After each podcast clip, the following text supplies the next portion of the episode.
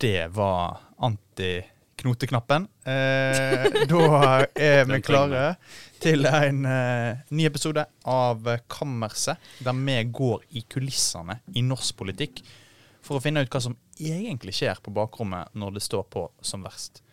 Og hva er den store profetien om norsk politikk i 2023? Det er det vi skal finne ut av i dag. Gjestene har tatt juleferie, men vi har med oss supervikar og kommentator Sigrid Rege Gårdsvold. Hun stiller selvsagt opp. Hallo. Men før vi går inn på kammerset, så skal vi ha vår eh, sedvanlige runde inn på forværelse for å kikke litt på hva som har gjort inntrykk på oss. Eh, politisk redaktør Berit Aalborg, nyhetsredaktør Lars Inge Staveland og meg, kommentator Emil André Erstad, siste uka. Og deg da, Sigrid. Så Berit, eh, hva har gjort inntrykk på deg siste uka? Du, så jeg skal litt tilbake i tid, altså, fordi at um jeg hadde korona og lå hjemme og så veldig mye på TV. Og da så jeg på NRKs arkiv, og der fant jeg utrolig, en utrolig morsom serie som gikk, som, som man kan finne i NRKs arkiv, som heter Forelska 87. Uh, og det var veldig morsomt, for jeg var jo selv ganske ung på 80-tallet. Og der var det liksom 80-tallet som forteller om seg sjøl. Uh, og det, det, er jo litt dårlig TV, men det som er veldig morsomt med den serien, er at man kan, faktisk ser uh, hvordan man snakker på 80-tallet, hvordan man kler seg på 80-tallet. Og, og, det som jeg syns var så fascinerende, var at man snakker fortsatt litt sånn derre Ja, hei, hvordan går det? Altså Det høres liksom Pinocchio-aktig ut. Og det som er det komiske, er at ungene mine har sett et opptak fra meg på 80-tallet hvor de påstår at jeg snakker sånn, og det tror jeg faktisk vi gjorde. Stemmene og måten man snakker på har forandra seg. Men selv om serien er litt sånn dårlig og litt, litt platt, da må jeg få lov til å si når vi ser det i ettertid Ungene mine som er tenåringer, syns jo dette var liksom veldig dårlig filma. Så er det artig å se hvordan 80-tallet presenterer seg sjøl. Med kreppa hår, med høye bukser, eh, hvordan man snakker til hverandre. Nei, den vil jeg absolutt anbefale. Det var veldig morsomt å se. Det er en syv-åtte eh, programmer i den serien. da. Og Jeg vil også anbefale alle å høre Berit snakke sånn som hun snakka på 80-tallet. det, det har hun gjort i lunsjen noen ganger neste uka, og er veldig underholdende. Eh, Lars Inge, eh, har, eh, har, du fått med deg noe? Ja, altså eh, jeg vil si at uh, Nå er jeg jo ganske fersk i, i vårt land, har ikke jobba så lenge. Uh, og jeg begynte å, å, å, Det er to ting som har slått meg. Det er Berit sine julekrybber, uh, og så er det adventsstakene. og hvor mye, debatt og moro som går an å lage over de tingene, det var litt nytt for meg. Og hvor stort engasjement det er blant leserne for dette her. det syns jeg er veldig festlig. så da må jeg bare si at det er da er en, eh, den eh, adventjournalistiske eh, kompetansen i vårt land, den har imponert meg. Veldig bra. Sigrid? Ja, eh, vi skal utenriks. Um, det har skjedd to litt sånn halvstore ting i USA de siste dagene. Det ene er at Ways and Means-komiteen i Kongressen, som egentlig styrer med det aller meste, liksom penger og, og, og sånt, uh, de sitter på Donald Trumps sine selvangivelser uh, og voterte denne uka for å offentliggjøre de papirene. Det har jo Trump motsatt seg i mange, mange mange, mange år. Han har jo også sagt at han, har, han er unna det som vi i gamle dager kalte for bokettersyn. Uh, og Derfor så kunne han ikke offentliggjøre disse papirene. Det viser seg at det stemmer ikke. Uh, det har òg denne komiteen da avdekket. uh, og det, han skulle jo, om han ikke hadde vært under bokettersyn før han ble president, så skulle han ha blitt sett i bøkene mens han var president. Det er på en måte standard prosedyre. Det ble ikke gjort. Uh, så det er jo det er interessant. Det andre er at vi har fått vite konklusjonen til den kongresskomiteen som etterforsker det som skjedde uh, 6.1 i fjor. de slipper hele rapporten senere i dag, den dagen når vi spiller inn. Men de anbefaler altså Justisdepartementet å straffeforfølge Donald Trump uh, for hans rolle i det som jo effektivt sett var et opprør mot de valgte myndighetene.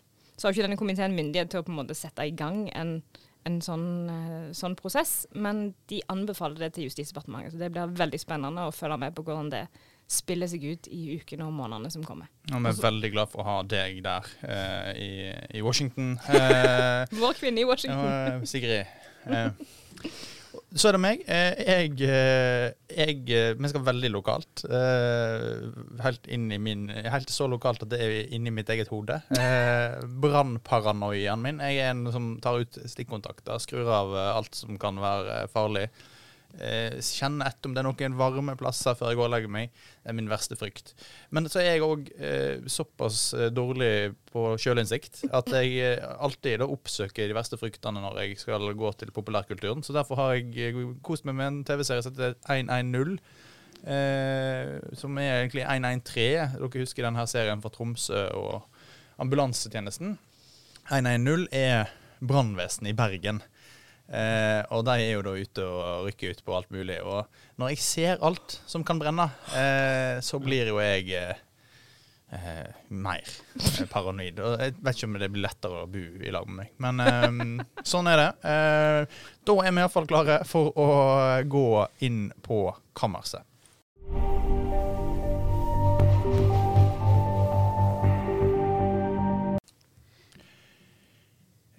Med I dag så skal vi rett og slett gå gjennom profetiene som har blitt uh, gitt i eh, kammerset uh, gjennom uh, høsten av både gjester og oss sjøl, og bruke det som et utgangspunkt for å svare på det store spørsmålet, nemlig hva er den store profetien for norsk politikk i 2023? Og helt på slutten så skal vi hvis vi ikke opplever at de profetiene som ligger på bordet allerede er gode nok, så skal vi komme med noen sjøl, for hva vi tror kommer til å skje.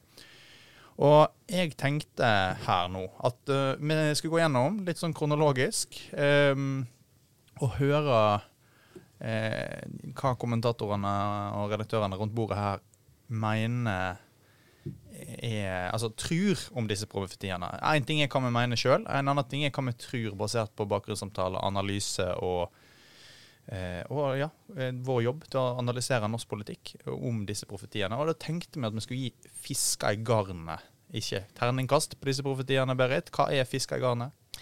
Du, fisker i garnet er nå vi eh, i vårt lands eh, redakt... Altså vi som driver og uh, gir på en måte prøver å gi en slags poengterning til, til politikere, f.eks. under valgdebatter og den typen ting, så gir ikke vi terningkast, men vi har gitt fisker i garnet istedenfor. Og det spiller jo på de, Mange av oss som sitter her, har jo gått på søndagsskolen, og de som har gjort det, forstår hva fisker i garnet er. Det har mange fisker i garnet er bra, da har du vært til stede, og kanskje også gjort jobben, da, som det er det vi prøver å gi dem poeng på. Så i dag kan en profeti få mellom én og seks fisker i garnet. Og får du seks fisker i garnet, får om seks fisker i garnet, så mener vi at det er en eh, treffende profeti for eh, Eller tror vi at det er en treffende profeti for 2023.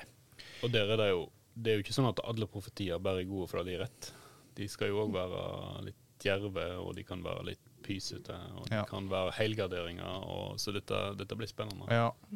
Eh, vi kan begynne med vår første gjest, som seg hør og bør var Knut Arild Hareide. var familieselskapet, da. Ja, det var familieselskapet. På et eller annet tidspunkt eh, i denne krisa vi står i, så vil regjeringa bli tvungen til å gå av, var det jeg oppfatta at han sa. Men de vil komme tilbake igjen Ja, han sa òg det, at da kunne de komme tilbake igjen. via et kabinettspørsmål.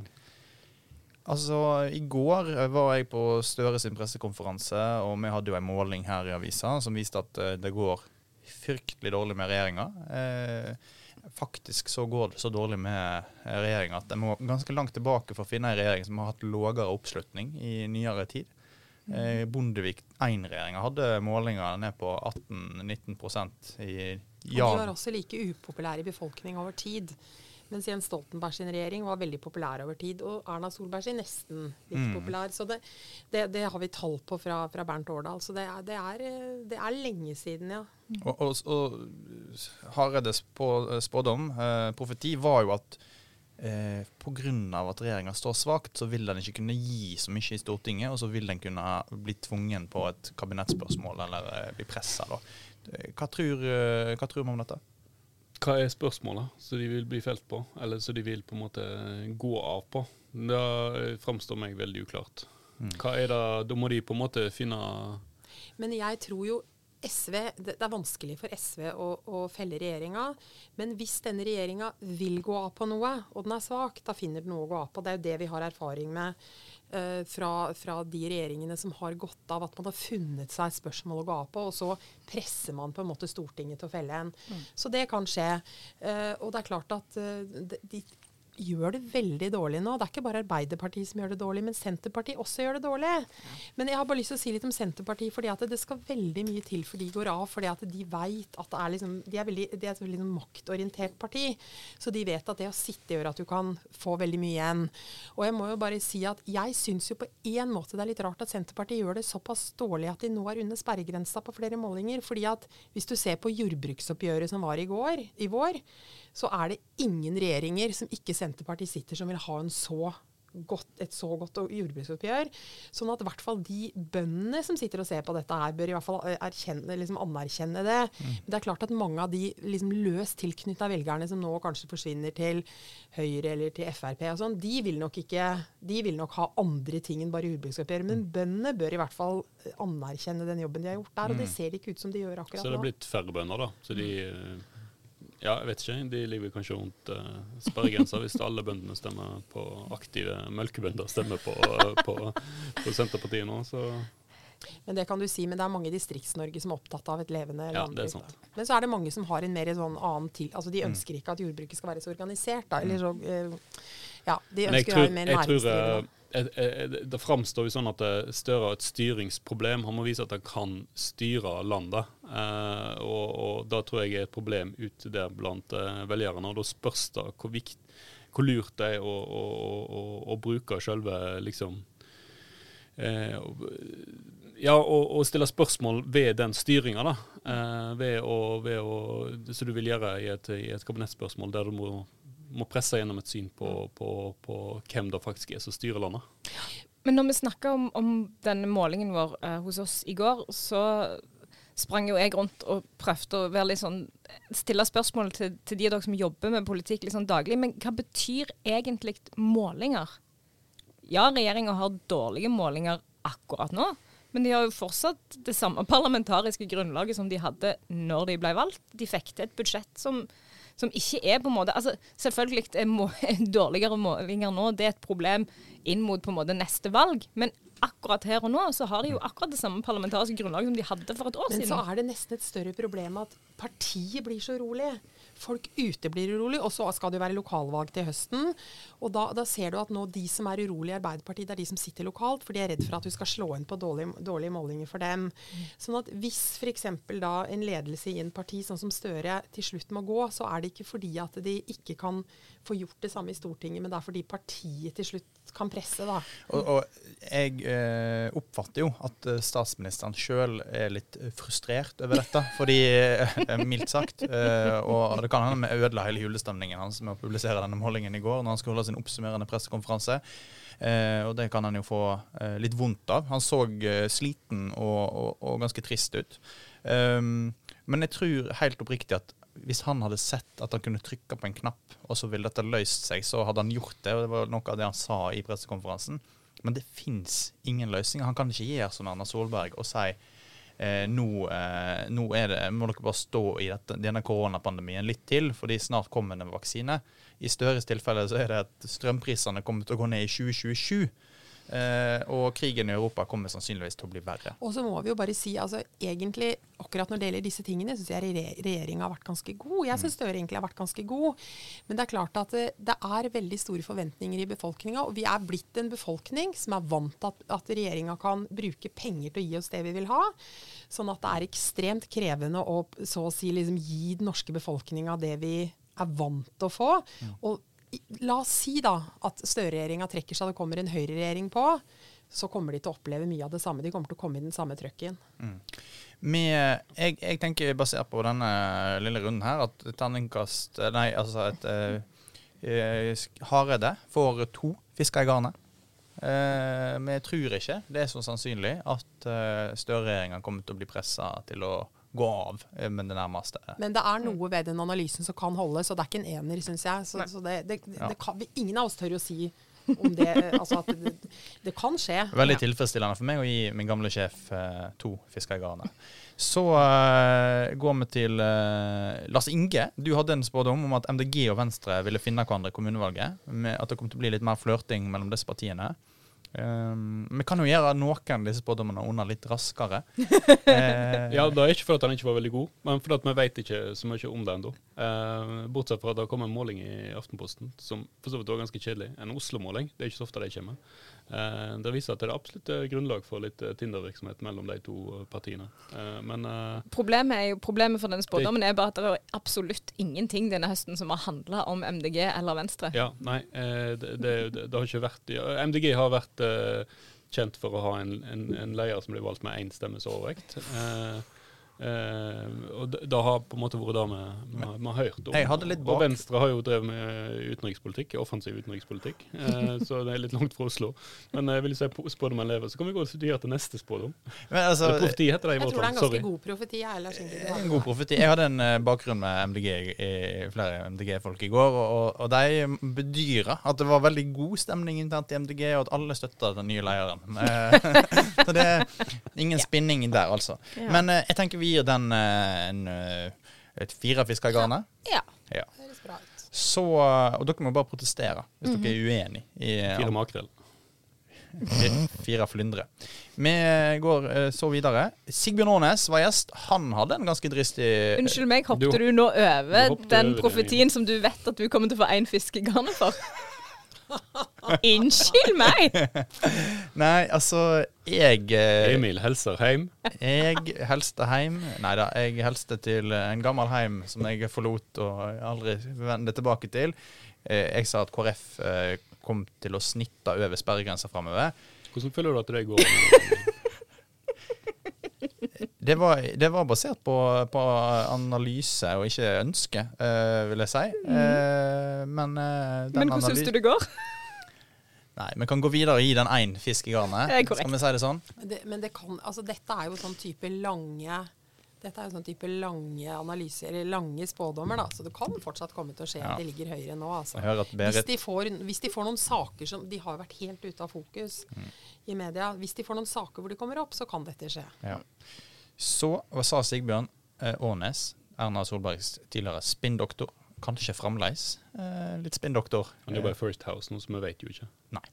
Eh, Trygve Slagsvold Vedum kommer til å gå av som finansminister etter eh, kommunevalget.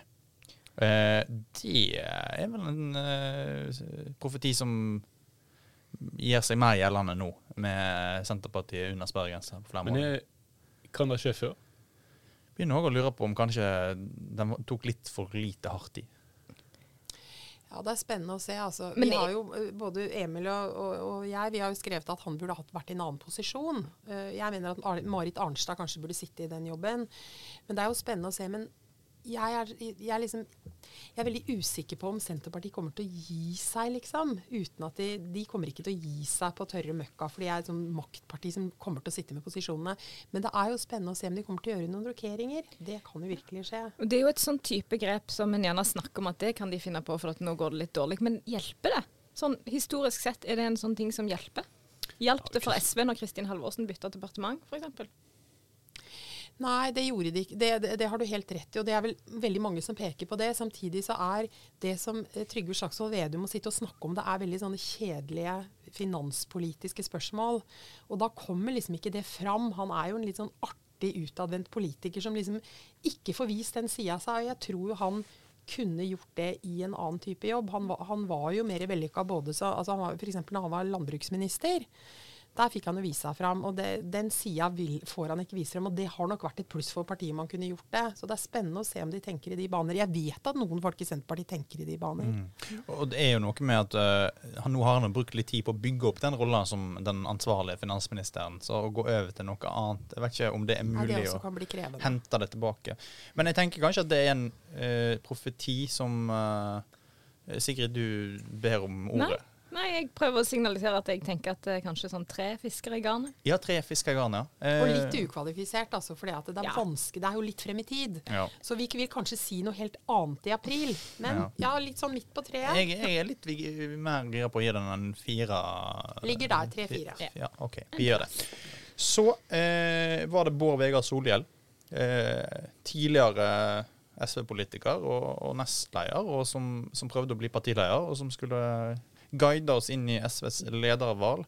Men hans eh, profeti den handler om at alle de såkalte småpartiene, Venstre, KrF, Rødt og MDG, vil komme over sperregrensa i 2025. Altså Det første problemet her er at Rødt har jo, og hadde egentlig allerede når han sa det, på en måte tatt steget over i en annen kategori enn de andre småpartiene. De ligger jo konsekvent et annet sted på målingene enn en KrF og Venstre og MDG gjør. Mm. Eh, men Og, og Men det er jo interessant eh, å, å se på. I krise eh, så, så søker jo gjerne folk etter, etter løsninger eh, som eh, småpartier eh, står veldig fritt til å komme med. Eh, det har jeg ikke sett i Norge eh, ennå. Eh, så jeg er ikke så sikker på at uh, det kommer til å slå til. Jeg føler meg ganske sikker på at Rødt kommer til å komme over sperregrensa. Mm. Eh, men de ligger jo ganske trygt over der på de siste målingene òg. Og Venstres sterke Ukraina-engasjement har åpenbart gitt resultat. De ligger jo òg i snittet på eh, nesten 5 og, Mens de to andre, de eh, Der Men er det så er det jo ikke en mye. viss erfaringsbasert uh, analyse Bård Vegar Solhjell har drevet. fordi at det, de siste årene, da, bare for å se på de valgene, så har jo eh, parti, småpartiene ligget under. Og så har de akkurat greid å løfte seg over, da. Eller flere av dem har greid det. KrF greide jo ikke det nå. Så, så, så det er en sånn mobilisering for de småpartiene på slutten. Men det er klart at vi er i veldig spesielle tider hvor folk kan tenke at det er tryggere å velge store partier. Så jeg eh, føler at den henger litt i en tynn tråd, den spådommen. Men kanskje Jeg ville kanskje gitt den en treer, for det er, han har en del rett i, i det. Men, men det er ingen av oss som ville liksom satsa penger på at dette kommer til å skje. Altså. absolutt ikke. Nei, men jeg syns han skal ha for, eh, for eh, det, er en, det er en modig spådom, mm. vil jeg si. Eh, og, og det er klart jeg tror ikke det kommer til å skje. Eh, jeg tror så, Og MDG sin del, så hvis miljøet blir en stor sak, så kommer det til å bli en stor sak i, i alle, Alle partier. partier. Eh, og, og så får vi se hva type parti MDG blir da, eh, når det gjelder KrF. Eh, ja, det kommer et abortutvalg, eh, og, de klarer å løfte det opp og sånne ting. Kommer det til å engasjere? Jeg er ikke så sikker på det. Og igjen, der kommer det til å engasjere kanskje mer i andre partier enn i KrF. Og KrF har heller ikke, sånn som målingene ser ut nå, noen, eh, noen klar vei til vippeposisjon. Altså, Og så er det også en annen ting som er med KrF, som vi har erfart, og som vi ser i mange sammenhenger, er at KrF i veldig liten grad stiller opp og tar diskusjonene rundt omkring. De er veldig usynlige rett og slett fordi ledelsen ikke er med der hvor det skjer. Det har vi, vi har jo flere ganger forsøkt å, å få det ut på banen, så de blir veldig usynlige. Og det er også del... En ting er til er små, men det er også delvis deres egen skyld, fordi de, de, de er liksom ikke, går ikke i studio og forsvarer seg. Og det er sjelden en god strategi. Nei, vi gir den en, en fire- tre-fire fisker i garnet. Tre til fire. Feil profeti, men uh, for formodighet. Han får formodet. Så OK. kommer min labre, da. Den kan vi jo Ja, Nei, den den, kan vi ikke, den kan vi ikke hoppe over, for den har, har jeg Nei, nei, sterke vi ikke meninger på fortsatt. Du har sterke meninger om den, men du har sterke analyser om den, Berit. Eh, Og vi eh, har jo vært innom den en del ganger allerede. Arbeiderpartiet kommer til å gå litt opp igjen, sa du. Det var en modig profeti, da. Lars Du sa det i, Ja, ja. i begynnelsen av november, så det var jo eh, Etter det har jo Arbeiderpartiet falt en god del. Eh, Etter, etter det har Arbeiderpartiet både gått opp og ned. Så de har, det har ligget litt der og vaka litt på ulike Det har målinger. gått mest ned. Det har, gått mest ned. det, har, det, har gått, det har ligget lavt. Netto ned. Ja, nå ligger det jo, vi, hadde jo, vi må jo si det da, for de som ikke har fått med seg det, at vi hadde en måling der hvor den lå nede på 14-tallet. ja. Så, så Arbeiderpartiet strever voldsomt. Og, og jeg har lyst til å si at faktisk så skal jeg være så, eh, så modig at jeg, jeg eh, har tenkt å si at jeg tror de kommer til å jeg, jeg tror fortsatt at det kommer til å skje, at de kommer til å komme seg opp. Men jeg vil si en ting. Jeg tror det er avhengig av at de greier å få i fokus litt andre eh, politikere. Jeg tror veldig på at f.eks. Tonje Brenna Hvis hun blir mer profilert for partiet, så tror jeg det vil være veldig bra. For hun har en gjenklang i en del av befolkningen. Eh, og jeg tror jo også da, Emil, du har jo skrevet om Hadia, eh, en god kommentar syns jeg, om at hun vil inn i mer av maktens korridorer igjen. De to damene der tror jeg kan skaffe litt mer oppslutning for Arbeiderpartiet. Så er de kloke for sin egen del, så får de de to damene litt mer frem. Mm. Nå skal jeg være raus. Jeg tenker at eh, du skal ha for uh, djervhet og en modig eh, profeti. Så jeg- jeg ville vel kanskje sagt at dette er en uh, fem fisker i garnet. Ja, jeg, Ja, Altså, jeg tenker, at, jeg tenker at om ikke annet, så er det, ikke, det er ikke så veldig mye rom for de til å gå så veldig mye lenger ned. Så sånn sett så bare, bare av litt sånn rein Giske sånn. tror vel at de kan enda lenger ned. Ja. Noen har snakka om nitall og sånn. Ja, jeg hadde en del bakgrunn med flere Ap-folk i går og spurte dem hvor langt tror dere dette kan gå. og Da var det jo sikkert litt pessimister og, og deprimerte den dagen, men da var det flere som snakket om at de ikke trodde det ville stoppe nå, at det kunne gå helt ned mot titallet. Ja, jeg har vanskelig å se for meg at vi skal se et Arbeiderparti som er nede på liksom énsifra. Det, det syns jeg er vanskelig å se for meg. Og bare av den grunn så tenker jeg at eh, Berit sin profeti står seg til fem fiskere i garnet. Ja, den gjør det. Oi, det var overraskende. Jeg trodde jeg skulle få én fisk i garnet. Ja, jeg følte at jeg måtte forsvare den litt. Nei, det var jeg som fikk én fisk i garnet i dag, Berit. Men eh, eh, hvis dere hører litt sånn eh, lyder her, så er det fordi at eh, gjengen rundt bordet er litt uvant til å sitte i podkaststudio. Eh, vi sitter nå i Vårt Lands podkaststudio i femte etasje i Vårt Land-bygningen. Og da er det litt kaffekopper sånn, som blir satt på bordet, og det banker. Men eh, jeg bare ho med med vi har fått litt for mye fri, fri, fridom. Ja, vi har det. Oss sjøl. Ehm, eh, så var det Astrid Hoem. Hun eh, AUF-lederen, får vi si for de som ikke veit, husker Ja. det. Hun profeterte ei rød-grønn regjering før stortingsvalget i 2025. og Det vil si at SV kommer inn i regjeringa. Det er òg en veldig modig eh, profeti. Litt langt fram i tid, men eh, hva tenker vi om den? Hun sa jo også at det var mye et ønske og ikke bare en analyse. Og det tror jeg nok er riktig. AUF har jo villet ta med SV hele veien. Klart For at for dem så er det mer å hente politisk enn hvis det går andre veien mot, uh, mot Senterpartiet. Men, men mitt store spørsmål i forhold til den profetien er vil SV inn i det som veldig mange vil oppleve som et synkende skip? Og det tror jeg faktisk er et ganske godt spørsmål. Om de vil inn der, da tror jeg det skal skje noe spesielt. For at det, det kommer til å skje, da. Ja. Så skal de ha et leiervalg i eh, SV. Eh, og eh, hvis eh, Bergstø, eh, Kirsti Bergstø blir ny eh, leder i, i SV, så ser jeg ikke helt for meg at, eh, det at du skal inn i det selskapet eh, der, altså. Ja, Men hvis- helt enig. Hvis Kari Elisabeth Kaski, som ifølge de rapportene som kommer fra fylkene nå, ligger best an med mest støtte, så eh, er det vel ikke helt usannsynlig at eh, hun vil prøve å manøvrere partiet i, en sånn posisjon. Det kan jo godt hende, og samtidig så vil jo hun bli oppfatta som eh, Hvis man kan snakke om en høyre og en venstre for det i SV, da, så vil jo hun bli oppfatta mer som sentrum-høyreorientert mm. innafor SV. Og hvis hun da skal ha med seg partiet inn, og allerede streve litt med venstresida i partiet, så kan det bli vanskelig. Ser dere hva jeg mener? Altså at hun, at hun da må liksom både skal være leder, og så skal hun på en måte prøve å få liksom he, gjøre seg litt sånn lekker for venstresida. Så kan det bli et vanskelig prosjekt. Men det er jo, jeg tror nok hun er mer villig og ønsker å gå inn i regjering enn det Bergstø er, gjør, altså. To fisker i garnet. Ja. Ja. Så eh, det er jo AUF-politikk. Eh, AUF-politikk. eh, så det får hun litt trekk for. Sigrid, du har jo vært som en hauk på meg eh, hver gang det har kommet en ny måling. Eh, fordi du hadde en eh, profeti som sa at eh, SV og Rødt eh, til sammen vil bli like store eller større enn Arbeiderpartiet i stortingsvalget i 2025. Og den har jo slått til eh, på målingene. Enn så lenge. Jeg, eh, jeg er over middels høy på meg sjøl. Det må det være lov å si. Ja. Og så må jeg også si da en ting er at og jeg, jeg husker når, eh, når Rødt kom inn på Stortinget, så har de ut fra den politikken de ønsker å fremme, så har de veldig gode, de har veldig flinke folk. Altså Mimir Kristiansson er jo Uansett hva han skriver i Vårt Land, så leses det kjempemye. Fordi at han er liksom veldig sånn flink til å liksom fange de aktuelle problemstillingene. Og de har flere sånne politikere. Noen vil si at de er liksom venstresidepopulister, men de er flinke til å få folks øre.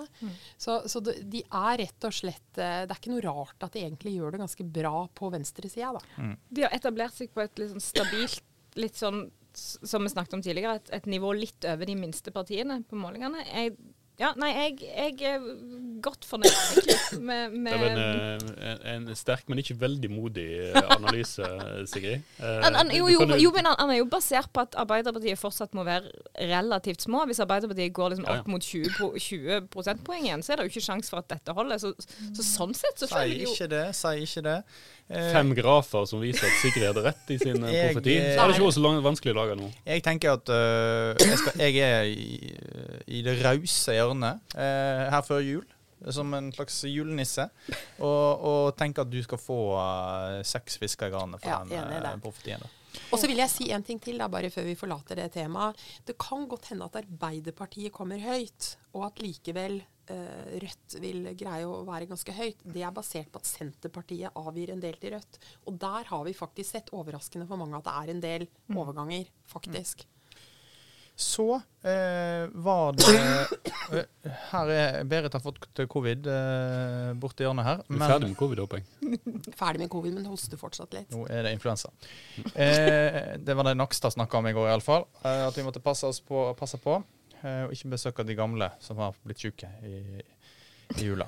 Han er beinhard, altså. knall. Ja, han er knallhard. Zainab eh, Al-Samarai hun var innom eh, som siste, i siste episode, og hun sa at Støre han er statsminister til 2025. Ikke den modigste profetien eh, vi har hatt på bordet. Det som er gøy med den profetien, er at vi kan begynne å diskutere hva skjer hvis Støre får 14 etter kommun i kommunevalget i høst. Jeg tror mye da avhenger om eh, Raymond Johansen mister byrådslederposisjonen i Oslo. Mm. For jeg tror eh, i det øyeblikket den type profiler i Arbeiderpartiet eh, mister makt, så blir det en helt annen press eh, i organisasjonen. Og selv om Oslo Ap kanskje ikke er det fylkeslaget i Arbeiderpartiet med liksom mest intern pondus eh, i, i partiet som heilskap, så tror jeg at det vil ha en effekt. Hvis du ser det samme i Bergen, eh, Stavanger, så, så kan det bli veldig alvorlig for, eh, for Støre. Men jeg tror mye har å si om, om ja, hvem som mister makt etter kommunevalget. Og så tror jeg dette her er en profeti som akkurat på linje, lik linje med AUF-lederen, dette er noe man ønsker, for det betyr jo at det går bra for Arbeiderpartiet.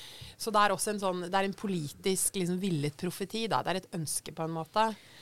Uh, så, Det er ønskeprofeti, ja. Ja, det Den er ikke modig, men samtidig er den eh,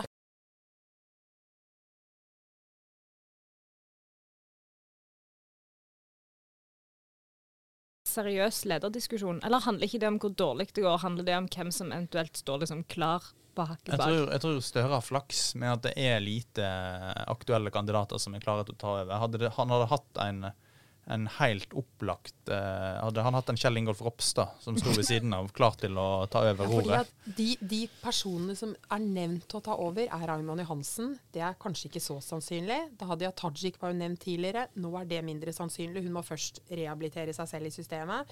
Tonje Brenna er også en person som blir pekt på. Hun er, ikke, hun er en ganske sannsynlig Arbeiderpartileder på litt sikt, men spørsmålet er om hun vil ta den typen ansvar allerede nå.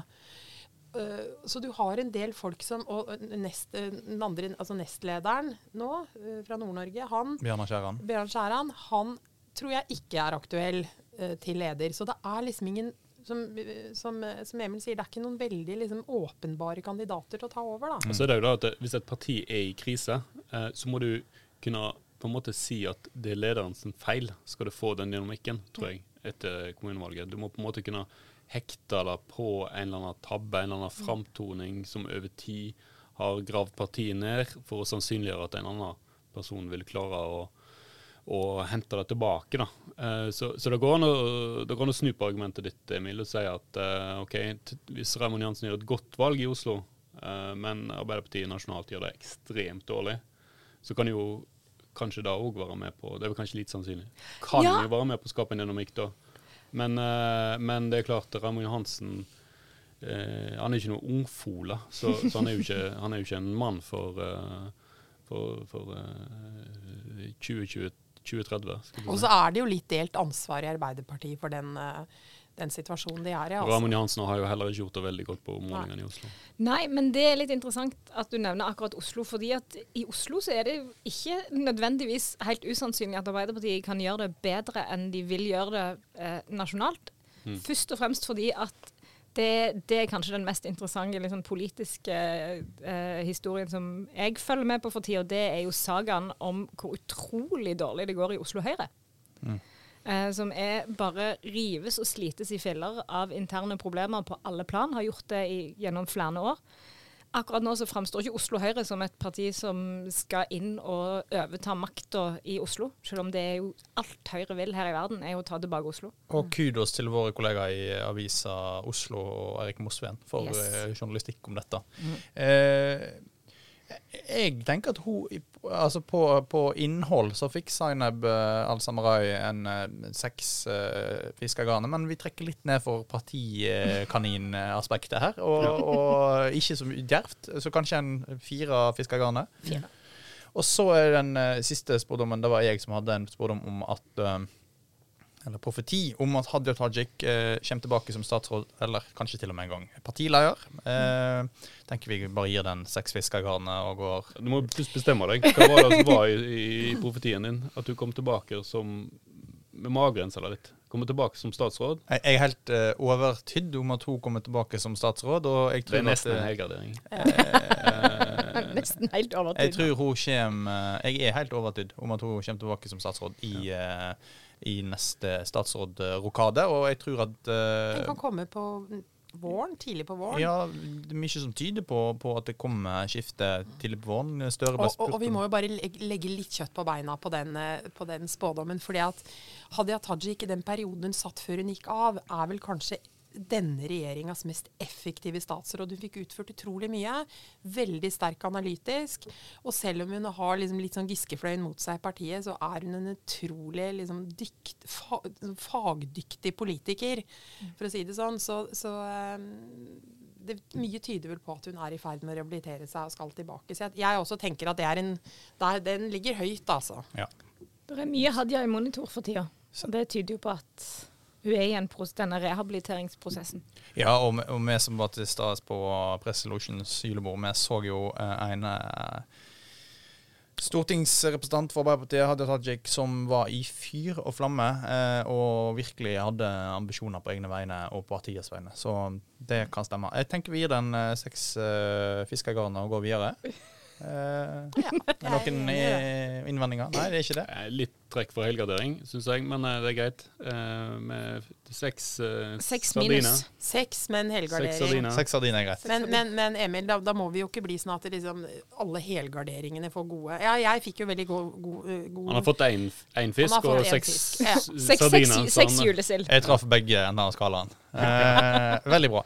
Eh, vi går videre, eh, fordi eh, året er jo ikke ferdig, og vi skal til det som er ukas profeti.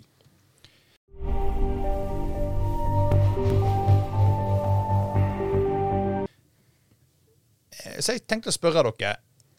Hva er den store profetien om norsk politikk i 2023? Det var et veldig, veldig, veldig stort spørsmål. Det er et vanskelig spørsmål. Jeg må bare si én ting før vi går videre. Grunnen til at det er så vanskelig, er at vi vet så lite hva som er på en måte rammebetingelsene for de profetiene som ligger foran oss. Så det Jeg kan godt forestille meg at jeg skal si noe her som i neste år kommer til å sitte og bare sa 'tenk at jeg sa det'. Fordi at det er krig, det er, det er så mange ting som skjer.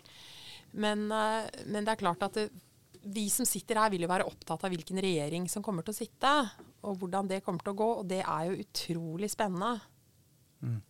Og, og, og eh, jeg tenker at eh, når Støre Jeg spurte Støre i går om, eh, om hvordan han altså Når han sto på den oppsummerende pressekonferansen i fjor, rett før jul, så la han inn noen punkter på slutten som handla om krigen. Som egentlig ikke var planlagt å være med, men som han kjente behov for å si.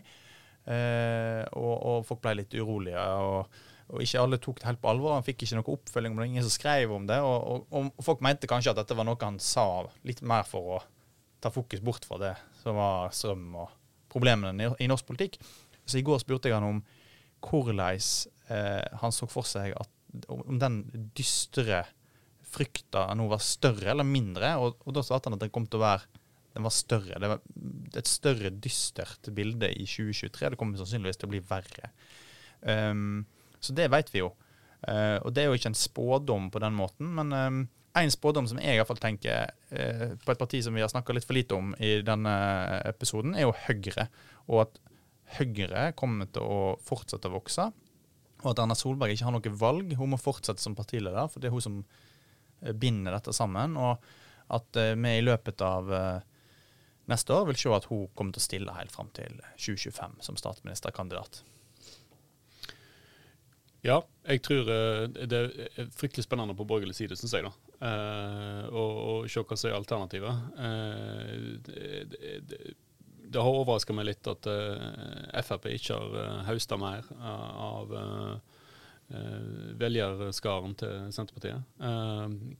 jeg vil jo tro at vi en eller annen gang vil få en jeg tror at vi kan få en innvandrings... Uh, ikke krise, så iallfall en innvandringsdebatt i Norge uh, i, i, år. Når en ser på antall båtflyktninger som kommer, når en ser på antall uh, ukrainske flyktninger og, og slike ting. Hvordan det vil spille ut, det vet vi ikke ennå. og, så jeg tror liksom Kommer protestpartiene tilbake? det er jeg litt sånn nysgjerrig på. Nå har vi jo ett protestparti som er skikkelig protestparti og er litt i vinden, og det er jo, eh, det er jo Rødt. Eh, og Frp ligger jo på stedet hvil og mm. protesterer Kommer litt. Kommer Sylvi Listhaug til å klare å løfte det? Eh, mm. Sigrid? Nei, altså, jeg, min, min eh, profeti er ikke spesielt eh, djerv, men jeg tror han er veldig riktig. Det er at eh, i kommunevalget som skal inn i året som kommer, så kommer Som jo Altså, lokalvalgene er jo Senterpartiet sin hjemmebane, sin arena. De er enormt stolt av hvor mange ordførere de har. Det er liksom med ordførerpartiet. Mannefall på ordførersida eh, for Senterpartiet, tror jeg. La meg være djerv. Jeg tror de mister halvparten av ordførerne sine. Og dere kan måle meg på det. Eh, på det er litt interessant at ja. dere sier dette, for jeg satt akkurat og tenkte at For jeg var jo innleda litt om, om, det generelle bildet. Men jeg tror ikke Senterpartiet kommer til å gjøre det så dårlig som det ligger an til nå. Det er min mm. spådom. Uh, og det handler om at um, nå ligger de så lavt at de har ligget under sperregrensa på flere målinger. Og de har en del som sitter på gjerdet. Så jeg tror at når, uh, når valget kommer, så, så, De kommer ikke til å få 20% altså de kommer ikke til å liksom matche opp mot 20% eller kanskje 15 men Senterpartiet ligger høyere enn under sperregrensa. Enig, jeg så, så, så, jeg tror de kommer til å gjøre det bedre enn vi ser av nå. For når alt kommer til alt, så kommer en del sen potensielle Senterparti-velgere til å tenke de, de, kommer til å liksom Litt sånn allemant i til pumpene, på en måte. Pga. det gode kommunevalget sist, så tror jeg derfor at de kommer til å miste halvparten av ordførerne sine, sjøl med et valg som er bedre enn eh, under sperregrensa som ja. de ligger nå. De havner kanskje på en eh, 6-7 og da er det ganske mange ordførere som har forlatt kontorene sine. Og så tror jeg du har helt rett, Berit, at når vi kommer til kommunevalget, så blir det en helt annen dagsorden. Det blir eh, lokale saker som kommer til å dominere eh, valgkampen mer, tror jeg. Uh, det tror jeg absolutt. Uh, og, og da er det noe Senterpartiet tradisjonelt iallfall, og, og har sterkt eierskap til. Sigrid? Ja, jeg, den andre tingen er at jeg tror at Høyre kommer til å ta eh, kanskje de seks største byene. Men jeg tror det skal holde hardt for de å ta Oslo. Mm. Så jeg tror de kommer til å ta de andre største byene, men ikke Oslo. Eh, Stavanger òg vil jeg gitt litt motstand på. For der har jo uh, hun Nessa Nordtun, ordføreren, uh, Arbeiderpartiordføreren, et godt grep om en ganske brei koalisjon. Ja, og hun har assosiert seg veldig tett med litt sånn motvind. Mm. bevegelsen bevegelsen og sånn. Har jo Arbeiderpartiet gjort det greit. Så Men så vil jeg også bare, jeg vil også bare strø litt salt i sårene her. Altså, fordi at nesten alltid så er det en eller annen ganske sterk tendens sånn jul-nyttår på et år. Og så sitter vi til valget, eh, hvor mange måneder er det? Ni måneder seinere, og sier tenk på den målinga. Altså, det er jo helt der. Mm. Bildet er snudd. Mm. Sånn at det skjer veldig mye i politikken, og det eh, Jeg tror at vi liksom ja, Det blir interessant å se hvordan det går til valget, men veldig mye kan snu seg fra situasjonen nå og frem til valget i september 2023. Eh, Jeg synes det er veldig, veldig kjekt at du, Berit, du gir håp til de som har det vondt. Det passer jo fint nå i, i juletida.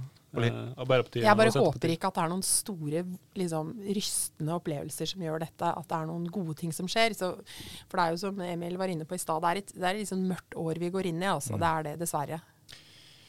Vi får landa der eh, og ta med oss de profetiene vi, vi klarte å samle opp. Eh, etter jul så kommer vi tilbake med nye episoder på podkast hver uke, og skal prøve som før å ha med oss gjest så ofte som mulig. Eh, og da er vi med veis ende. Tusen takk for at eh, dere lytter, eh, og takk for at dere ble med, gjengen rundt bordet. Send oss ris, ros, tips og innspill på kammerset alfakrøllvl.no, og så er vi snart tilbake med en ny episode.